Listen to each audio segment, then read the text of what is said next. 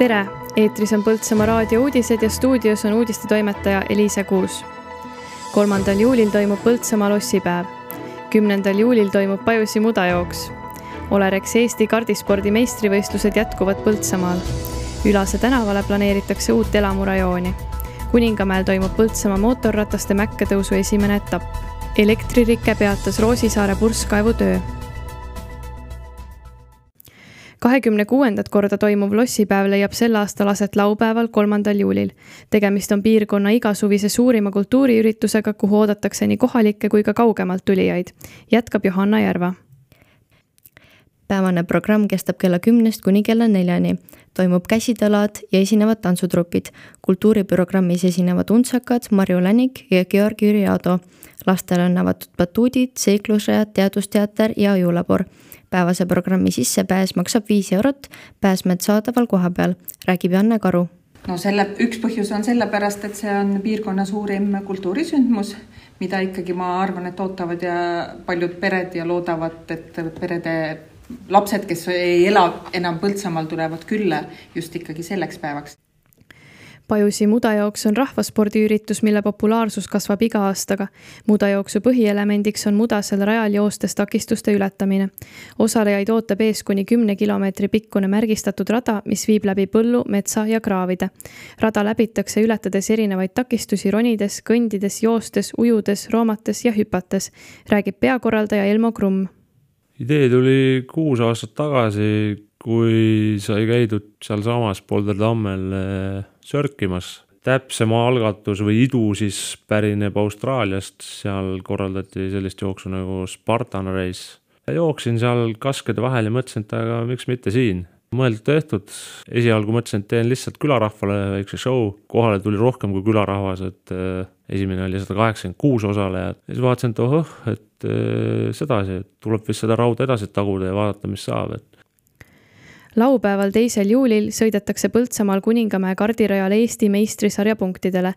järjekorras neljakümne kolmas Väino Allipere mälestusvõistlus on ühtlasi Olerex Eesti kardispordi meistrivõistluste kolmandaks etapiks. võistlused on pealtvaatajatele tasuta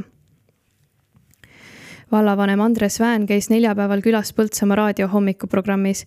muuhulgas vesteldi noorperede elu edendamisest ning Põltsamaa arengutest ning uute elukohtade loomisest. uut elamurajooni planeeritakse Ülase tänaval asuvale maa-alale, räägib vallavanem Andres Vään. linn omalt poolt on praegu valmis ostma elamuarendusgrundi üla, Ülase tänavale, see küll hetkeks toppama. Aga see saab teoks ülejärgmisel aastal, kus on siis perspektiivne kuuekümne elamu rajamise rajoon.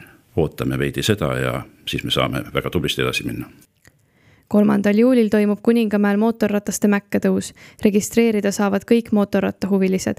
võisteldakse viies erinevas kategoorias. minijuuniorid, juuniorid, kross, single ja unlimited mäkketõusjad. toimuvad limonaadi, siidri ja õllejooksud. väravad avatakse kell kümme, võistlejate registreerimine kümme kolmkümmend kuni üksteist kolmkümmend. piletid hinnaga kümme eurot müügil kohapeal, räägib ürituse peakohtunik Taavi Lepik kohale võivad tulla kõik, ei pea olema ka spetsiaalrattaga.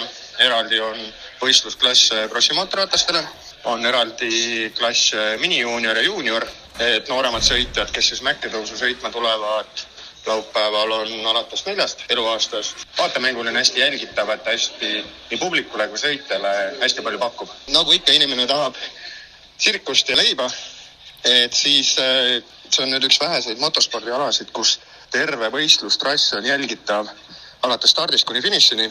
kuna on ka hästi palju kukkumisi, on selline efektne motospordiala. tegelikult annabki sellist natukene adrenaliini pealtvaatajatele ka ja kindlasti on väga palju jälgida Põltsamaa vallavara andis eile teada, et Roosisaare purskkaev hetkel ei tööta. põhjuseks on Elektrilevi poolne rike. vallavara projektijuhi Kristi Klaose sõnul lubas elektriettevõte lahendada probleemi esimesel võimalusel. seni otsitakse lahendust, et tuua elekter purskkaevuni pikendusjuhtmega. Lähemal ajal peaksid Roosisaarele tulema ka sillapiirded ning muusikapark, mis tarneraskuste tõttu on jäänud viibima